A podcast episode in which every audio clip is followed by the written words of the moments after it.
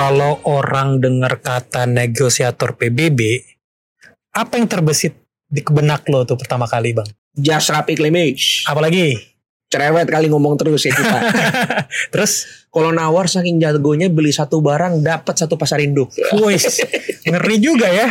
Banyak banyak banget ini apa imajinasinya. Iya. Tapi bang, kalau menurut gua intinya negosiasi itu adalah sebuah proses atau dialog untuk mencapai sebuah kesepakatan nih. Oke. Dan kalau orang itu melakukan sebuah uh, negosiasi, biasanya itu mewakili sebuah institusi atau negara dan pada akhirnya dia akan mencari mendapatkan kesepakatan terbaik. Gimana menurut lo? Jadi yang dicari itu belum tentu juga diskonan atau harga lebih murah ya, tapi ternyata kesepakatan juga ya. Kalau yang berdiplomasi itu di pasar, mungkin itu yang Iya, dicari. bener. Tapi kalau misalnya kita berdiplomasi atau bernegosiasi itu di ruang uh, formal, nah yang dicari itu tadi kesepakatan. Oh iya, iya. soalnya kan kalau kita lihat di online online shop itu, Hmm. kalau nego eh, jangan Afgan dong, sadis.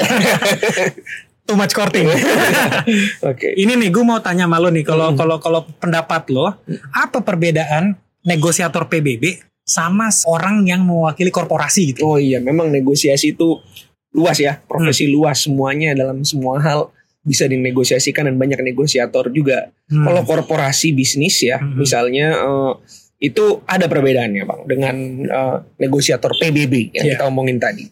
Satu dokumen outcome-nya itu yang beda tadi kan. Meskipun itu kesepakatan, tapi kalau di negosiator PBB itu ada outcome dokumen yang berbeda. Kalau kita di outcome dokumennya bisa resolusi, konvensi, statement atau pidato bahkan pidato bersama Mhm. yang intinya merefleksikan posisi nasional atau akan merumuskan suatu peraturan internasional yang bakal jadi referensi norma maupun standar. Tapi pertanyaan gua, apa semua negosiasi yang dilakukan oleh negosiator di PBB nih ya, mm-mm. itu menghasilkan outcome dokumen, Bang? Wah, bisa jadi enggak juga ya? Iya, jadi kalau misalnya pertemuannya itu hanya pertemuan untuk mendiskusikan suatu tema gitu loh. Kita memang kita bukan mungkin di situ bukan lebih lebih bukan bernegosiasi tapi menyampaikan statement. Iya. Tapi statement-statement ini pun masih bisa dibantah Mm-mm. atau masih bisa di apa ya di- diluruskan oleh pihak lain. Oh, betul. Nah, jadi mungkin di situ negosiasinya bukan untuk mendapatkan sebuah Ya. apa outcome dokumen, tapi Ya. lebih kepada meluruskan nih pandangan tertentu. Nah, itu bisa jadi. Jadi karena apa yang jadi yang penting adalah apa komponen yang dikapitalisasi dan menjadi output. Soalnya contoh Hmm. kalau kalau korporasi kan udah jelas. Misalnya kalaupun itu ada output dokumen harus kontrak misalnya segala macam Ya. kesepakatan yang ada hasil uh, tangible seperti uangnya apa segala macam karena profit oriented ya. Sementara kalau di uh, negosiasi PB itu tadi ada ataupun tidak ada outcome dokumennya, tapi yang dihasilkan itu adalah suatu kesepakatan tadi pelurusan uh, suatu statement dan segala macam. Jadi kompleks gitu. Ya dan dan materi-materinya itu lebih formal ya. Karena Mm. kalau misalnya dia udah masuk negosiasi multilateral, Mm-mm. negosiasi di tingkat PBB,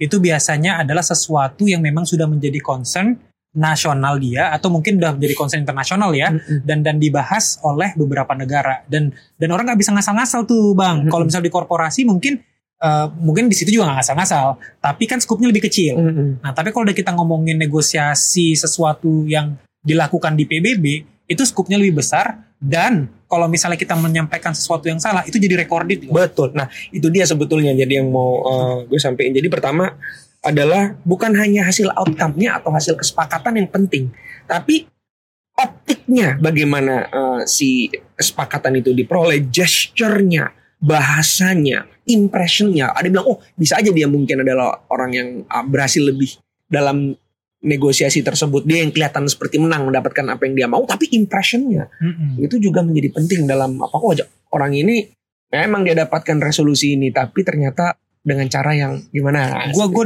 gua kemarin baca tuh dibilang katanya negosiasi, negotiation Mm-mm. atau diplomasi lah ya. Mhm. Diplomasi is to do or to say the nastiest thing in the nicest way. Wah. Nah, jadi lo lo melakukan menyampaikan sesuatu yang nasty atau yang buruk lah ya Mm-mm. dengan cara yang smooth gitu the yang nicest elegan. way iya The nicest way seperti itu. iya iya iya iya benar-benar nah sekarang sebagai seorang negosiator nih gitu kan teman-teman lagi pada dengerin kita gimana caranya orang itu uh, apa yang perlu dipersiapkan atau amunisi dan mental note seorang negosiator itu Itu apa aja? Nah, gue denger yang pertama groupings. Nah, gue tahu nih lo lo tahu banget nih soal soal groupings groupings ini.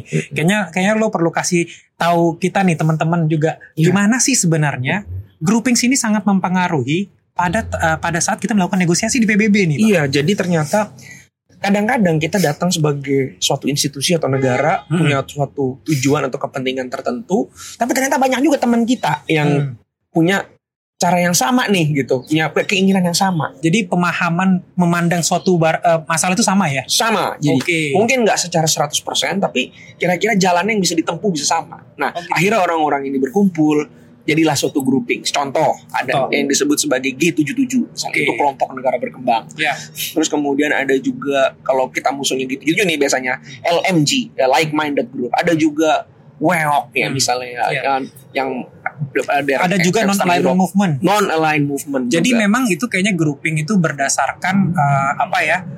Apa sih yang mau dituju gitu ya? Mm-mm. Tujuannya apa? Dan sebenarnya mereka memiliki pemahaman ideologis yang mirip-mirip tuh Betul. untuk melihat suatu masalah. Jadi itu penting banget untuk tahu um, warna daripada setiap grouping itu ya. Oke. Jadi mana grouping bisa kita masukkan, bisa kita override ya. ada nggak orang di tempat yang berbeda-beda groupingsnya? Ya adalah pasti. Hmm, banyak juga. Tapi meskipun, tapi kebanyakan yang paling mudah nih. Ini kan Hmm. Untuk beginner negotiator nih untuk melihat ya groupings yang kelihatannya semi homogen. Wah ini orang memiliki kepentingan. Jadi memang kalau kalau yang kita lihat ya groupings itu ada yang well known ya. Mm-mm. Jadi jadi udah yang besar-besar Oh. gitu ya. Misalnya kelompok Eropa ada tuh, ya kan kelompok negara-negara berkembang yang ada jelas-jelas juga. lah gitu ya. Yang jelas-jelas dan memang groupings ini eh, karena mereka tujuannya sama, jadi membuat statement pun atau menegosiasikan sesuatu biasanya mudah udah Ya dalam udah prosesnya ya. Hmm, Bener-bener. Ya kita juga ngeliat grouping yang lain. Ya. Jadi ibaratnya tuh kalau uh, dibilang oleh uh, salah satu diplomat handal Indonesia, kita harus tag namanya litmus test. Oh. Jadi litmus test itu sebetulnya reaksi kimia tuh. Hmm. Tapi maksudnya adalah ini bukan mustache ini, Ya. warna kumis. makanya Pak Raden. Nah, terus litmus test itu kita harus ngelihat bagaimana pandangan cara cara analisanya nih ya. Ya. Bagaimana suatu negara atau grup itu memandang satu hal yang kira-kira itu dapat merepresentasikan pandangan dia terhadap hal uh, suatu isu yang lebih luas gitu. Hmm. Misalnya dia melarang isu A. Nah, isu A ini bisa menyimbolkan bahwa dia itu against or not terhadap suatu uh, apa namanya isu yang lebih besar lagi gitu. Hmm, dan dan dan memang grouping sini perlu waktu ya Perlu. untuk untuk menegosiasikan sesuatu sebelum dibawa di Betul. di meja perundingan gitu ya. benar. Jadi mereka mengkoordinasikan dulu. Iya di dalamnya juga ribut dulu tuh. Ribut dulu biasanya. kan? Heeh. Tapi biasanya kalau udah keluar satu suara dong. Benar, harus. Harus karena kalau nggak dianggap gak solid gitu loh. Dan ngapain kita di grouping itu? Ya gitu. akhirnya di dalam itulah ada konsensus ya ada. Walaupun setuju. bang, aku- eh, yang yang yang yang gue lihat nih ada beberapa memang kalau dia posisinya lebih maju, nanti dia di dalam grouping situ dia mungkin oke oke aja, Mm-mm. tapi pas di luar dia menyampaikan posisi atas nama negaranya sendiri. Oh bisa jadi, Jadi dia dia dia dia nggak nggak nggak nggak apa namanya nggak ngikutin apa yang di sebagai grouping, tambahan juga mungkin. sebagai tambahan. Oh, Jadi memang karena ada negara-negara di grouping itu mungkin udah emerging ke ke tempat yang lain, tapi Hmm. dia masih ngerasa dia masih di situ rumahnya gitu loh. Ibaratnya bener memang saya anggota RT RW 8 tapi saya yang paling kaya bisa juga jadi bisa jadi anggota RW tempat lain gitu ya. Oke. nah selanjutnya apa lagi nih Dut mental note yang harus kita Yang kedua nih, Oh. menurut gue nih bang, untuk or seorang negosiator supaya dia handal dan jago, itu dia harus menguasai yang disebut dengan rules of procedure. nah Rules of procedures itu ibaratnya apa ya? Rule apa namanya? Holy Aturan- book, aturan main, iya. Jadi kita harus tahu cara bermain di satu tempat tuh gimana gitu loh. oh betul Sama kayak lo main catur lah. iya Lo masa kalau main catur lo pakai kuda lo main lompat ke atas aja nggak bisa. Dia emang ada caranya gitu, letter L gitu. Benar. ini kalau PBB ini cuman satu saja peraturan yang mencakup semua apa ada beda-beda setiap beda-beda. Jadi dia punya masing-masing eh, aturan mainnya di lembaga-lembaga apa organ-organ utama-utamanya gitu loh. Misalnya General Assembly dia punya majelis umum ya majelis punya. umum. Nah, nanti eh, Dewan Keamanan dia Dewan punya Keamanan juga, gitu loh dan lain sebagainya. Dan masing-masing itu melaku- melakukan peraturan itu secara rinci. oh iya Jadi kita bisa tahu misalnya ini saatnya kita mau right of reply. apa tuh Ah. right of reply Jadi kalau misalnya ada tanggapan dari sebuah negara yang kita rasa kita nggak cocok lah Mm-mm. gitu dengan dengan dengan apa isinya, kita bisa menggunakan eh, momen right of reply itu Mm. dengan tentu ada pengaturannya kapan kau bisa menyampaikan right of reply itu, tapi itu dimungkinkan gitu. Jadi kita Oh, bisa menyanggah apa bisa yang disampaikan menyanggah tadi. gitu ya gitu, Gitu. memang oh contohnya Nggak Misalnya- semua tempat juga bisa ya kayak gitu ya Nggak semua tempat, tapi mungkin ya namanya berbeda misalnya Hmm. bisa jadi. Nah di rules of procedure ini juga penting. Misalnya lo mau voting nih. Mm-mm. Nah gimana cara voting? Pemilihan anggota Dewan Keamanan yang tidak tetap misalnya gitu. Mm-mm. Harus ada eh, prosedurnya. Nggak bisa kita mau bilang "Oh, udah simple majority. Nggak bisa karena misalnya di aturannya bilang untuk pemilihan eh, anggota tidak tetap Dewan Keamanan itu perlu eh, two third gitu misalnya. Oh. Jadi Dua per tiga. dua per tiga. Nah, berarti intinya gini ya, dengan kita hafal atau kita tahu mengenai rules of procedure, bisa juga kita bermain negosiasi di situ atau bisa juga kita eh, memanfaatkan kalau misalnya kita mau menghambat, terus misalnya kita mau mendelay, ada suatu ada ada suatu motion atau kepentingan yang ternyata waduh ini merugikan institusi kita Eh, nih. jadi Kita ibaratnya mainkan, ini gitu. apa ya hukum acara hukum, hukum acaranya gitu. Heeh. Jadi sebelum kita masuk ke pokok perkara, kita sebelum masuk kepada pokok pembahasan inti, negara-negara itu bermain gimana untuk bisa menyampingkan isu ini dengan melalui prosedural. Misalnya, Nah, mungkin pada akhirnya meetingnya ada, tapi ditunda misalnya, nah, gitu karena deh. memang dianggap tidak memenuhi prosedur-prosedur yang ada. Nah, tapi dengan penundaan itu negara-negara lain bisa menyiapkan diri Mm-mm. amunisi-amunisinya apa namanya eh, dokumen-dokumen dari pusatnya lebih lebih mapan dan dia juga bisa bernegosiasi dengan orang-orang yang like minded Mm-mm. untuk bisa nanti mengadres isu itu secara lebih matang lagi pada saatnya gitu. permainan peraturan itu ternyata administratif nggak kalah penting ya Nggak dari penting. substansinya. Nah, kemudian mungkin juga sih sebetulnya nah itu tadi meskipun kadang-kadang em, dalam negosiasi itu nggak mesti ada dokumennya, tapi kalaupun ada kita harus tahu betul dokumen apa yang dihasilkan. Betul. Misalnya negosiator harus tahu jenis dokumen yang didiskusikan, apakah dia mengikat secara hukum. Ya. Dampaknya gede apa enggak? Contoh tuh resolusi kan mungkin dampaknya besar ya karena dia akan jadi suatu referensi yang terus menerus dipakai atau uh, apa mungkin dokumen-dokumen lain yang kita bisa lihat itu untuk mengatur kadar fleksibilitas kita dalam bernegosiasi juga gitu. Betul. Jadi kita janganlah berdarah-darah Mm-mm. untuk sebuah sebuah apa ya hasil atau outcome dokumen mungkin yang tidak legally binding Mm-mm. atau morally blind, binding in a way sebenarnya tidak tidak binding binding amat gitu loh. Mm. Nah jadi kita kita masa misalnya ya lo berantem lawan lawan apa ya musuh yang kecil gitu tapi lo bawa bazooka gitu. Iya. jangan jadi ya musuh yang kecil lo bawa kelereng aja gitu Iya Nah, benar. jadi jadi sentil aja. sentil-sentil aja Iya, jadi iya. kalau misalnya lo ngomongin soal Mm-mm. informal documents chair summary Mm-mm. chairs eh, apa namanya eh, ya chair summary gitu pada akhirnya ya kita menyesuaikan aja Jadi ringkasan rapat aja bisa di suatu outcome dokumen bisa ya, justru juga ya. dengan dengan nama dengan nama ringkasan rapat itu itu malah memudahkan misalnya dokumen itu di. Uh, adopsi karena dia sifatnya lebih enteng. Mm-mm. Tapi kalau misalnya kita ngomongin resolusi nih atau misalnya di DK ada namanya PRST itu juga s- tidak mudah gitu presidential statement. It takes time, it takes energy, tapi juga ya perlu negotiation skill ini untuk untuk me- untuk Mm-mm. bisa memastikan outcome dokumen itu bagus gitu Bener. loh, Bang. Nah kalau mandat gimana tuh? Nah, jadi kita datang ke meja perundingan jangan ngasal. Dan juga misalnya kita tahu ilmu tertentu kita menyampaikan ilmu yang kita pahami. Karena jangan salah misalnya kita belajar ilmu misalnya di Australia atau di Amerika ternyata itu bukan posisi Indonesia bos. Jadi misalnya kita negaranya apa kita akan mewakili negara itu. Iya. nah karena kita mewakili negara itu ya kita harus pakai lah apa namanya eh, amunisi-amunisi mandat-mandat yang diberikan oleh negara Iya, gitu bener. loh. misalnya untuk eh, situasi tertentu posisi negara itu A ya pas lagi kita ngomong ngomong A lah Iya, Walaupun kita punya misalnya pandangan pribadi B, tapi karena kita mewakili negara A, ya kita harus sesuai mandat. Kalau enggak nanti kita dianggap gak jelas gitu. Iya, jadi sebetulnya eh, mandat itu bisa menjadi basis strategi kita dalam bernegosiasi. Maksudnya Betul. kita keinginannya A nih, Hmm. tapi kita untuk mendapatkan A itu kita merasa bahwa wah, kita harus melakukan distraction seolah-olah bahwa keinginan kita B atau C atau D gitu. Betul. Padahal kita punya nah, itu. Jadi memang memang mandat itu eh, mungkin statis ya. Mandatnya itu eh, hal tertentu. Hmm. Tapi yang paling penting adalah nanti bagaimana kita bisa mendapatkan mandat itu. Hmm. Nah, apakah secara langsung kita utarakan pada Hmm. meeting itu akhirnya orang itu akan terima? Mm-mm. Kalau misalnya kayak gitu, enak banget negosiasi. Iya. Tapi nggak semudah itu. Jadi kita misalnya lewat kawan kita, Mm-mm. ada nggak kawan kita punya posisi yang mirip ya dia aja lah yang ngomong dulu gitu loh Iya, nanti kita perkuat atau kita ngomong duluan nanti teman kita yang perkuat betul betul. sesuai dengan mandat dan dan jangan takut biasanya di di di PB itu adalah negara-negara yang mirip mandatnya gitu jadi kita Betul, harus betul. mencari aliansi lah teman-teman gitu Jadi ya selanjutnya juga mungkin terkait dengan itu juga ya bentuk pertemuan juga ternyata Hmm. penting dan agendanya gitu. kenapa tuh bentuk pertemuan Karena penting untuk gini, sebuah negosiator Ternyata Orang. di BBB itu banyak sekali bentuk-bentuk pertemuan yang beda-beda. oke Nah, tadi terkait rules procedure juga. Iya. meetingnya beda-beda. Misalnya formal dan informal. Itu udah Oke. beda. Kalau formal, negara-negara menyampaikan statement, nanti chairman-nya, chairnya adalah orang yang sudah akan mempersilahkan, ayo silakan sampaikan statement, sampaikan statement arah gitu ya. Hmm. Meskipun ada right of reply kadang-kadang. Tapi kalau informal itu dia lebih uh, liquid gitu ya. Biasanya membicarakan suatu resolusi.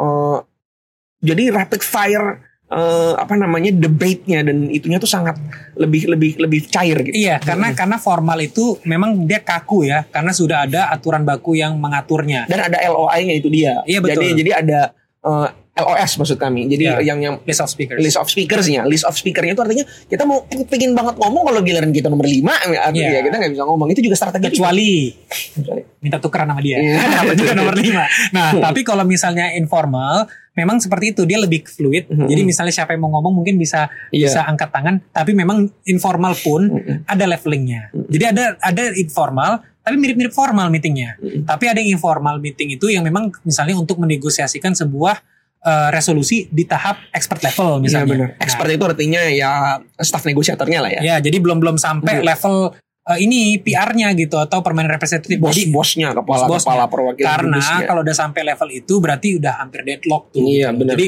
karena membutuhkan keputusan yang lebih tinggi. betul. Jadi karena kita masih levelnya level working level, apa pun yang didiskusikan masih bisa nanti diubah berdasarkan keputusan yang lebih tinggi. Tapi kalau udah bos-bosnya nih yang turun gunung, nanti ya biasanya udah udah udah mendekati kesepakatan atau mungkin ya tidak sepakat gitu bisa jadi. Bener, mengetahui bentuk atau format acara itu juga tahu kadang-kadang ada meeting yang kita nggak mau. Wah, kok ada meeting ini nih gitu. Betul. Meeting ini meeting kagak bener nih buat buat Ya. negara aneh gitu. Ya. Tapi harus dihentikan. Nah, kita bisa lihat juga oh bentuk meetingnya ini. Padahal syarat untuk terbentuknya meeting ini adalah A, B, C, D. Nah, kita bisa halau di situ misalnya. Iya, ya. itu itu juga nanti pada akhirnya melihat dari rules of procedures lagi.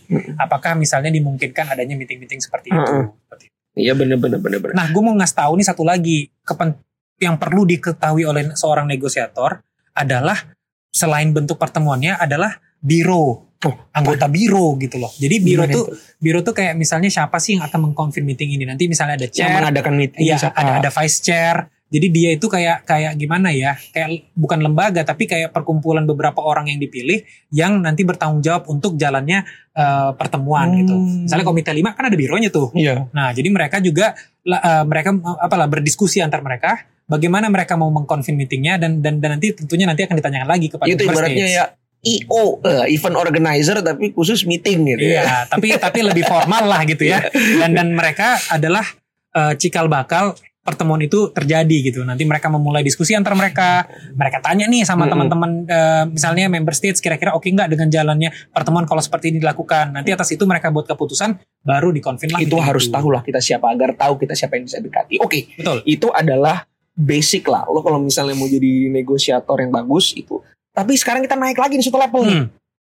Apa yang membuat seorang menjadi great or good negotiator? Wah, negosiator yang baik gitu. Itu pertanyaannya Unggul. luas sekali ya. Iya. tapi tapi itu bisa dijawab. Kayaknya yang pertama tuh networking ya, Dip ya. Ya pastinya itu udah. Gimana tuh networking? Ya networking itu udah jelas ya karena eh, informasi itu permainan informasi namanya Hmm, negosiasi itu. Jadi currency yang kita permainkan di Hmm. dalam negosiasi itu eh, adalah informasi. Nah, kadang-kadang informasi yang ada di platform PBB atau organisasi internasional sulit juga kita cari dan terbatas dan waktunya kadang-kadang nggak sesuai yang kita inginkan.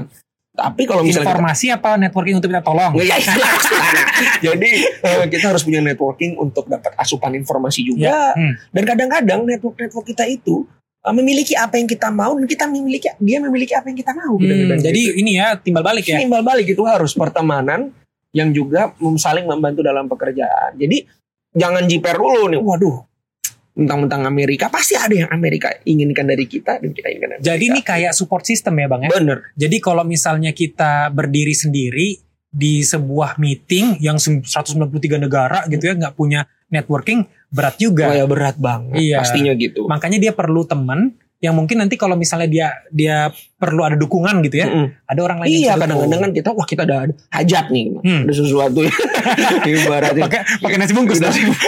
kita punya hajat gitu yang menyinatin anak tapi jangan sampai uh, meeting tersebut dilarang PBB atau misalnya Ah. dilarang oleh negara lain yang nggak Ya. suka dengan kita kita harus Ya. cari dukungan Hmm. Nah, network itu akan menjadi Tapi jangan salah, dukungan. networking itu juga nih mungkin lo tahu juga perlu kontak yang tepat. iya benar benar benar Jadi kalau misalnya kita salah alamat nih, misalnya kita mau mau hajatan tadi, tapi ternyata yang yang kita ini orang-orang yang kaya. Ya hajatan misalnya kita mau ngasih orang miskin, Iya. tiba-tiba kita ngasih bungkusnya ke orang yang kaya. Iya. Untuk apa gitu? Iya. Jadi posisinya harus posisi yang serupa dengan kita.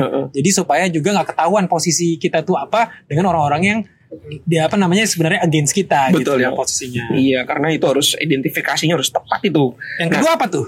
Kemandirian. Nah, gimana? Wah, kemandirian. Kalau kemandirian itu, kalau menurut gue nih ya, or seorang negosiator itu harus mampu eh, apa namanya eh, memahami segala sesuatu itu dengan dirinya sendiri. Hmm. Walaupun memang seperti yang lo bilang tadi, networking itu penting. Tapi ada saatnya memang kita eh, tidak memiliki support system ini, Mm-mm. gitu loh. Ada saatnya kita misalnya baru terhadap hal tertentu, kita belum tahu peers kita siapa, dan kita harus menyampaikan sesuatu yang yang sangat penting gitu loh. Jadi kita harus mandiri. Kita harus siap dengan apa yang kita mau sampaikan dan juga kita harus siap nanti orang akan bertanya kepada kita nih Iya, gimana benar. menjawabnya seperti itu. Jadi matinya mandiri ini dalam arti adalah mempersiapkan diri sendiri nggak terlalu lah tergantung sama orang lain. Kita harus cepat paham. Betul, cepat, berinisiatif dan dan dan ma- jadi kualitas diri itu ditingkatkan. Walaupun nanti pada akhirnya tentu kita akan bekerja sama dengan pihak-pihak terkait. Tapi untuk kita di sana sendiri pun kita udah cukup dan bisa gitu. Iya, iya. Nah, sementara selain mandiri juga harus punya banyak expertise, Hmm. keahlian. Memang sih bener ya. Eh, negosiator tuh harus tahu banyak hal Mm-mm. karena menegosiasikan banyak hal juga gitu. Tapi eh, expertise atau kemampuan kita yang khusus ya itu harus punya menjadi foundation cara berpikir kita. Jadi kita ahli dikenal ahli dalam hal tersebut. Hmm. Misalnya hukum, gitu Hmm. ya, ekonomi, mengenai isu tertentu. Jadi Misalnya. orang bakal datang ke kita ya karena, Betul. karena kita paham isu itu lebih detail dari yang lain gitu ya. Benar. Jadi kita sudah memiliki brand atau label sebagai orang yang ahli dalam hal tersebut. Contoh hal simpel aja mengenai masalah isu uh, huma- sumber daya manusia Hmm. itu aja di PBB. Wah, satu orang itu orang akan ke sana. Oh, kamu harus pergi ke dia gitu. karena dia memiliki expertise meskipun dia secara overall adalah negosiator yang handal untuk berbagai macam isu, kemampuan cepat belajar dan segala macam tapi dia punya nih satu- Ini jadi kayak gimana ya bilangnya punya bargaining position Betul, gitu ya. Jadi bargaining. seseorang itu karena dia memiliki expertise tertentu ya jadi orang ya mau gak mau ke dia gitu kan. Iya, karena benar. karena dia saking jagonya di isu itu kan gitu kan. benar-benar sekali gini. Nah, terkait dengan itu tentunya percaya diri. Nah, percaya diri ini kita harus bisa memastikan bahwa kita ini capable gitu loh. Mm-mm. Kita harus terlihat kita ini eh, sanggup untuk menjalankan tugas-tugas negosiasi itu gitu loh. Dan dan ini bukan hal yang harus yang dibuat-buat enggak. Kita emang harus siap, kita harus bekerja, belajar gitu dengan baik supaya apa-apa yang kita sampaikan itu bisa sesuai dengan apa yang disampaikan dimintakan oleh institusi gitu loh. Karena seperti yang dibilang tadi, ini mewakili institusi. Iya, banyak dong kalau kalau kita ngeliat teman-teman di berbagai sidang multilateral itu, negara-negara yang secara ekonomi kecil, Hmm. ya, size kecil, uh tapi lantang berani dia berbicara, ber- berani ngomong di depan umum menantang negara-negara besar, ya bukan karena hanya aksi, Hmm. tapi karena memang eh, apa namanya dia memiliki kepercayaan dari diri yang tinggi dan orang mendengarkan, kan itu intinya di multilateral. Berarti itu kayak yang disebutkan oleh John F Kennedy ya. Iya betul. Gimana let tuh? us never negotiate out of fear, but let us never fear to negotiate. Iya. Benar. jadi Ja- memang ya jadi kayak gitulah memang Mm-mm. jadi harus harus berani gitu ya untuk untuk bernegosiasi gitu lah. berani bernegosiasi dan juga jangan bernegosiasi gara-gara kita kalah nih udah Ya. mau kalah tapi kita negosiasi to win gitu intinya. Betul ya. Jadi karena karena kita paham lah, karena kita percaya diri lah, kita bisa untuk mendapatkan itu. Mm-mm. Nah, kayaknya ada poin yang penting lagi deh, passion deh, Bang. Oh iya passion itu harus ada Dut karena gini Hmm. pertama menjadi negosiator tuh capek Dut Kenapa capek tuh? iya karena gini pertama harus riset dulu ya Hmm. kan oh isunya apa kita harus keluar dari comfort zone sering Iya. dari comfort zone misalnya kita pada hari ini eh, orang kan punya ya mood masing-masing dan kepingin oh saya senangnya isu ini isu apa. Tapi ketika menjadi negosiator apa mandatnya ya kita harus maju gitu. Oh, isu-isu gitu. yang nggak convenient. Dan ah, banyak mengemban tanggung jawab. Dan harus melihat bahwa apa saja yang apa namanya berani gitu Wah, punya pemikiran bahwa eh, apa yang kita lakukan ini sebetulnya punya pengaruh yang baik ya bagi institusi ataupun negara yang diwakilinya meskipun jarang pun jarang terekspos jarang lah orang-orang tahu Jadi passion itu kayaknya emang harus dikombin dengan percaya diri tadi ya. iya benar Jadi jadi apa yang kita kita lakukan kita memang niat untuk melakukan itu, tapi juga kita percaya diri dalam arti kita mampu dan sanggup karena kita kita memiliki apa namanya backup backup yang jelas gitu ya. Mm, mm, mm. Nah, selanjutnya yang penting juga itu adalah mengetahui posisi negara kita dan posisi negara lain, Bang. Oh itu. Iya. Kenapa? Karena gini, kalau misalnya kita tahu hanya posisi negara kita dalam melakukan sesuatu, kita nggak tahu posisi orang negara lain, nanti kita salah ucap gitu loh. Mm-mm. Padahal misalnya kita mau menyampaikan sesuatu itu eh, untuk mendapatkan Mm-mm. kesepakatan terkait hal tertentu. Tapi karena kita tidak ber- berpikir terkait dengan posisi orang lain, jadi akhirnya malah kita ujung-ujungnya nggak mendapatkan kesepakatan itu gitu loh. Contoh, misalnya lo mau eh, mau pada akhirnya kita sepakat nih, misalnya membeli eh, sebuah barang gitu ya.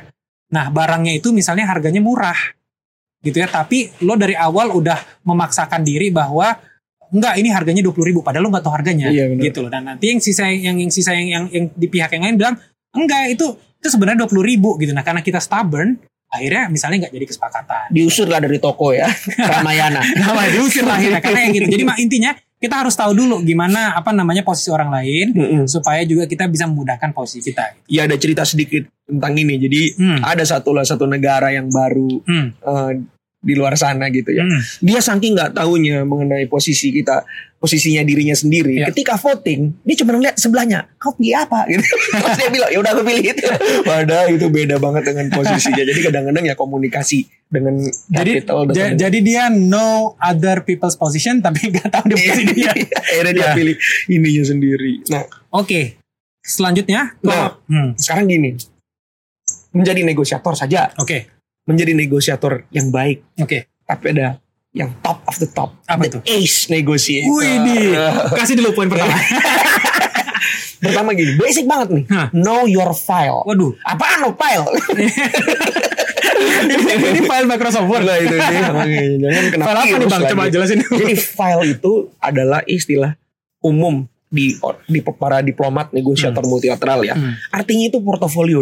Oke. Eh, artinya bisa juga file yang dia udah pegang, benar-benar literally dia pegang yang sudah turun temurun. Hmm. Isinya adalah hal komprehensif mengenai isu yang dia pegang.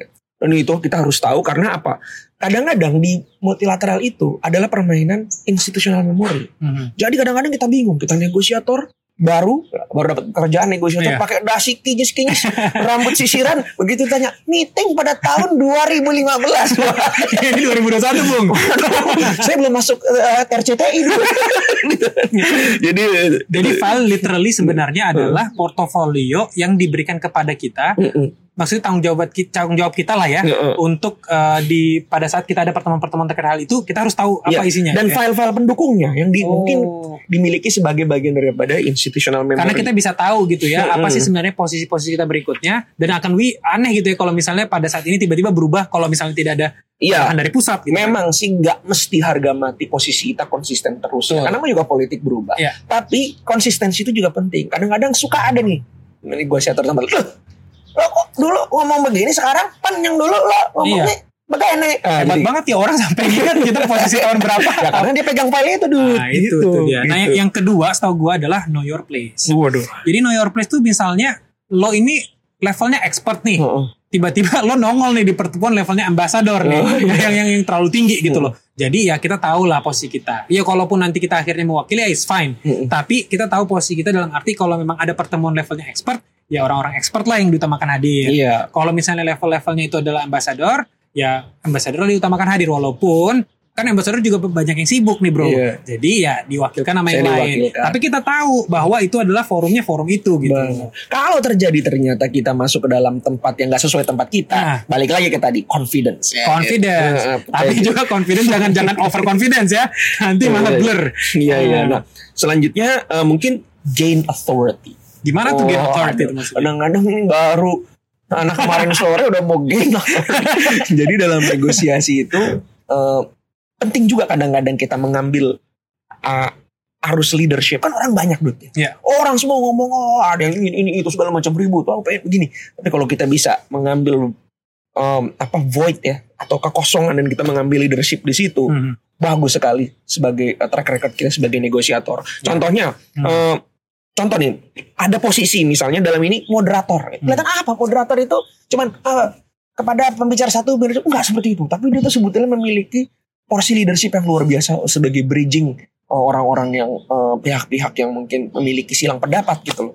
Eh, leadership itu sangat dihormati. di Jadi authority itu tidak hanya dalam arti ini ya, uh, arti dia harus memilih po- posisi. Walaupun misalnya dia jadi moderator, oke. Tapi sebagai kita sebagai misalnya orang yang hadir di forum itu, pertemuan itu, dia juga harus gain authority kan gitu Gain kan. authority. Jadi kalau misalnya ya jadi moderator, jadi moderator yang memang punya marwah lah di sana Iya gitu. benar. Tapi kalau kita jaga jadi misalnya eh, delegasi gitu, delegasi juga mempunyai Betul. stance yang bagus dan dan orang tahu bahwa oh ini posisi tradisional atau posisi eh, nasional negara itu. Iya, gitu. jadi ketika as authority itu adalah wah ini ketika si A, si B, si C, Hmm. Rudi atau Adib yang maju ngomong, Hmm.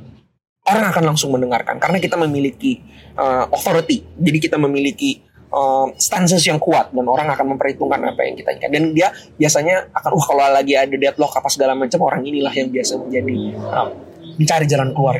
Ada satu lagi nih yang yang penting juga. Itu adalah be predictable. Hmm. Jadi mungkin ada yang bilang nih kalau misalnya lo nih nggak bisa ditebak nih, bagus nih untuk negosiasi. Tapi ada juga yang berpendapat yang mungkin ini ini bagus untuk kita ini juga ya kita Mm-mm. kita telaah lebih lanjut. Kita langsung aja jadi eh, orang yang predictable. Jadi orang tahu bahwa itulah yang kita perjuangkan dari dulu sampai sekarang dan kita tahu apa key messages yang mau kita sampaikan Mm-mm. gitu loh. Jadi orang udah predik nih kalau Indonesia pasti atau misalnya negara tertentu misalnya Singapura pasti ngomonginnya ya A gitu karena memang dia sudah memiliki eh, posisi yang predictable yang sebenarnya itu bagus untuk ditekankan lagi di, di forum-forum Iya, lain. jadi ketika orang udah tahu udah ketebak nih posisi Indonesia, Hmm. maka bahkan kita kita belum woro-woro ke mana-mana, Hmm. negara-negara udah bilang kayaknya gua nih satu satu ini nih sama Indonesia ini satu arah nih, kita ngikut aja nih, nah, kita akan ngomong dan negosiasi dan alliances bisa terbentuk karena unsur predictability kita Iya. itu pada satu case by case ya. Karena justru kalau misalnya kita ubah posisi terlalu sering dari satu tempat yang ke, ke tempat yang lain, walaupun mungkin itu tergantung negaranya ya, itu terlepas dia mau bagaimana memiliki Hmm. sebuah posisi, tapi ketidak apa ya, ketidak sta- apa berubah-berubahnya ini itu dianggap sebagai oh nggak serius nih orang memegang file ini atau Iya. nggak serius nih negara ini memperjuangkan hal tersebut. Tapi kalau kita predictable, orang bilang oh iya dia akan melakukan ini karena memang itu posisi yang diperjuangkan dari dulu, itu jadi mudah orang juga mendukungnya gitu. Nah, ini selanjutnya menjadi faktor lain lagi yang hampir sama dengan itu terkait ini tuh Apa tuh? be no nonsense. Wah. Uh, not for doma. berat banget. Mainkan dulu lah. Nah, itu Nah, jadi tuh? no nonsense itu artinya orang ini nggak kelihatan sebagai orang yang slick ya, Hmm. licik gitu, Iya. ya, tapi dia orang yang punya komitmen dan honesty gitu. Oh, jadi gitu. gitu. Jadi um, strategi Jadi jadi nggak bohong ya, Iya. jujur tuh dihargai. jujur dihargai, jujur dihargai. Boleh kita bermain strategi, Hmm. apa namanya, distraction dan segala macam, Ya. tapi kita harus punya kredibilitas sebagai negosiator yang jujur dan honest gitu, lebih Hmm. dihargai. Jadi em, strategis itu bukan berarti dia tukang bohong atau obral omong kosong gitu ya, Ya. karena nantinya kredibilitas kita akan hancur dan negara atau institusi yang kita wakili juga akan hancur gitu. Jujuran justru banyak dihargai dan em, makanya tapi ya seni berbicara Ya. dalam kita punya satu pengetahuan A sampai Z mana yang pada saat mana pada momen waktu yang tepat yang mana kita ngomong em, dari A sampai B dulu apa A sampai C apa A sampai D nah itu tergantung adalah eh, apa namanya pertimbangan strategis kita sebagai negosiator. Ya makanya ya, makanya semua ini terkait ya. Mm-mm. Kita harus orang yang kelihatan dia punya Mm-mm. posisi tertentu, dia predictable dan dia nggak nonsense dalam arti ya juga nggak ngasal-ngasal gitu. Mm. Jadi orang trust your honesty. Iya gitu ya. berdasarkan ya observasi kita ya orang yang ace negotiators ya kayak gitu itu orang yang punya traits dan karakternya Nah, gitu. Setelah kita bahas nih bang, semua hal ini gitu ya, apa saja karakter-karakter negosiator yang handal, bagaimana sih sebenarnya negosiator di PBB itu kelihatannya. Ke depannya nih way forward nih untuk teman-teman, untuk mahasiswa, kalangan profesional, apa sih yang harus menjadi kiat-kiat untuk mereka diambil ataupun langkah-langkah yang harus ditempuh gitu supaya bisa memiliki beberapa poin-poin tadi gitu loh. Iya, jadi kan negotiating skills itu life skill, bang. Oke. Jadi dalam kehidupan kita nggak perlu kita masuk PBB, kita masuk kolam pencapir atau atau juga masuk gitu ya. ke eh, apa Karang Taruna bisa Hmm. jadi jadi negosiator. Oh, gitu. Iya, misalnya kita rebutan tenda sama uh, grup pingpong, ya itu bisa jadi negosiasi. Jadi life skill. Nah, Hmm. jadi mungkin eh, dimulai dari sesuatu yang basic dulu yang depan mata kita, belajar melihat dan memahami eh, posisi suatu negara dengan negara lain atau partai satu dengan partai lain melalui kalau di PBB ya statement. Oh gitu. Karena statement itu terbuka di mana-mana. Kita lihat bisa ke uh, website PBB, kita lihat oh negara ini segala macam. Memang dia berbunga-bunga sulit Iya. untuk mengetahui apa Hmm. maksud di balik udang di balik bakwan ini. ya. Tapi tapi uh, apa namanya? kalau kita sudah mempelajari, kita terlatih, kita tahu wah itu. Kita bisa modal. buka UN Journal, Mm-mm. nanti kita bisa lihat tuh hariannya apa sih scheduling yang ada di PBB waktu itu tuh. Mm. Nah, kalau misalnya majelis umum, di situ nanti dia dilihat nih pertemuannya terbuka atau enggak. Nanti ada gambar tuh, video. Klik deh di situ, kebukalah Iya. gambar-gambarnya. Nah, di situ di nanti negara-negara menyampaikan statement. Kalau misalnya memang saat itu statementnya diupload, biasanya langsung ada tuh di Iya. situ keterangannya. Tapi ada satu lagi rahasianya, membuka UN Press. Oh. Jadi ada namanya eh, apa namanya satu website yang mencoba merangkum meeting-meeting yang memang menjadi tupoksi dia untuk dirangkum Waduh. gitu. Jadi tanpa kita harus lihat semua panjang-panjang bunga-bunga tadi, kita lihat snapshotnya nih. A ngomong apa, Zimbabwe ngomong apa gitu Itu kan. kalau di translate Google, gua udah jadi laporan nomor. Udah di deskripsi. iya iya iya. Yang kedua mungkin resolusi itu kita harus pahami anatominya. Hmm. Karena itulah subjeknya yang sering menjadi eh, alat negosiasinya, objek negosiasinya. Betul. Ya. Jadi kita harus lihat misalnya bagaimana sih preambulur paragraf itu ngomongnya Mm-mm. terhadap sebuah masalah tertentu. Terus kita lihat bagaimana operatif paragraf, ya kan? Hmm. Bagaimana mereka melihat uh, menyampaikan sesuatu terkait sesuatu masalah seperti itu. Dan kita lihat sebenarnya nuansa resolusi ini ke mana. Jadi dengan kita tahu jenis-jenis resolusi, kadang resolusi ada juga yang annual, Iya. ada yang biennial. Jadi kita lihat tahunan nih, oh ada perubahan nggak? Iya. Dua tahunan nih ada perubahan nggak? Jadi Hmm. kita bisa melihat bahwa pemikiran-pemikiran orang pada saat itu ya seperti itu gitu loh. Benar. Nanti ke depan trennya itu sejauh mana kita bisa lihat juga. Coba lihat aja nanti mau resolusi yang lewat dari tahun 2020 pasti semuanya ada COVID-19-nya. mau dari resolusi memasak nasi atau segala macam semuanya ada. ya semua dia memang terkait dengan apa yang terjadi saat Iya, itu iya, gitu kan. betul, betul betul.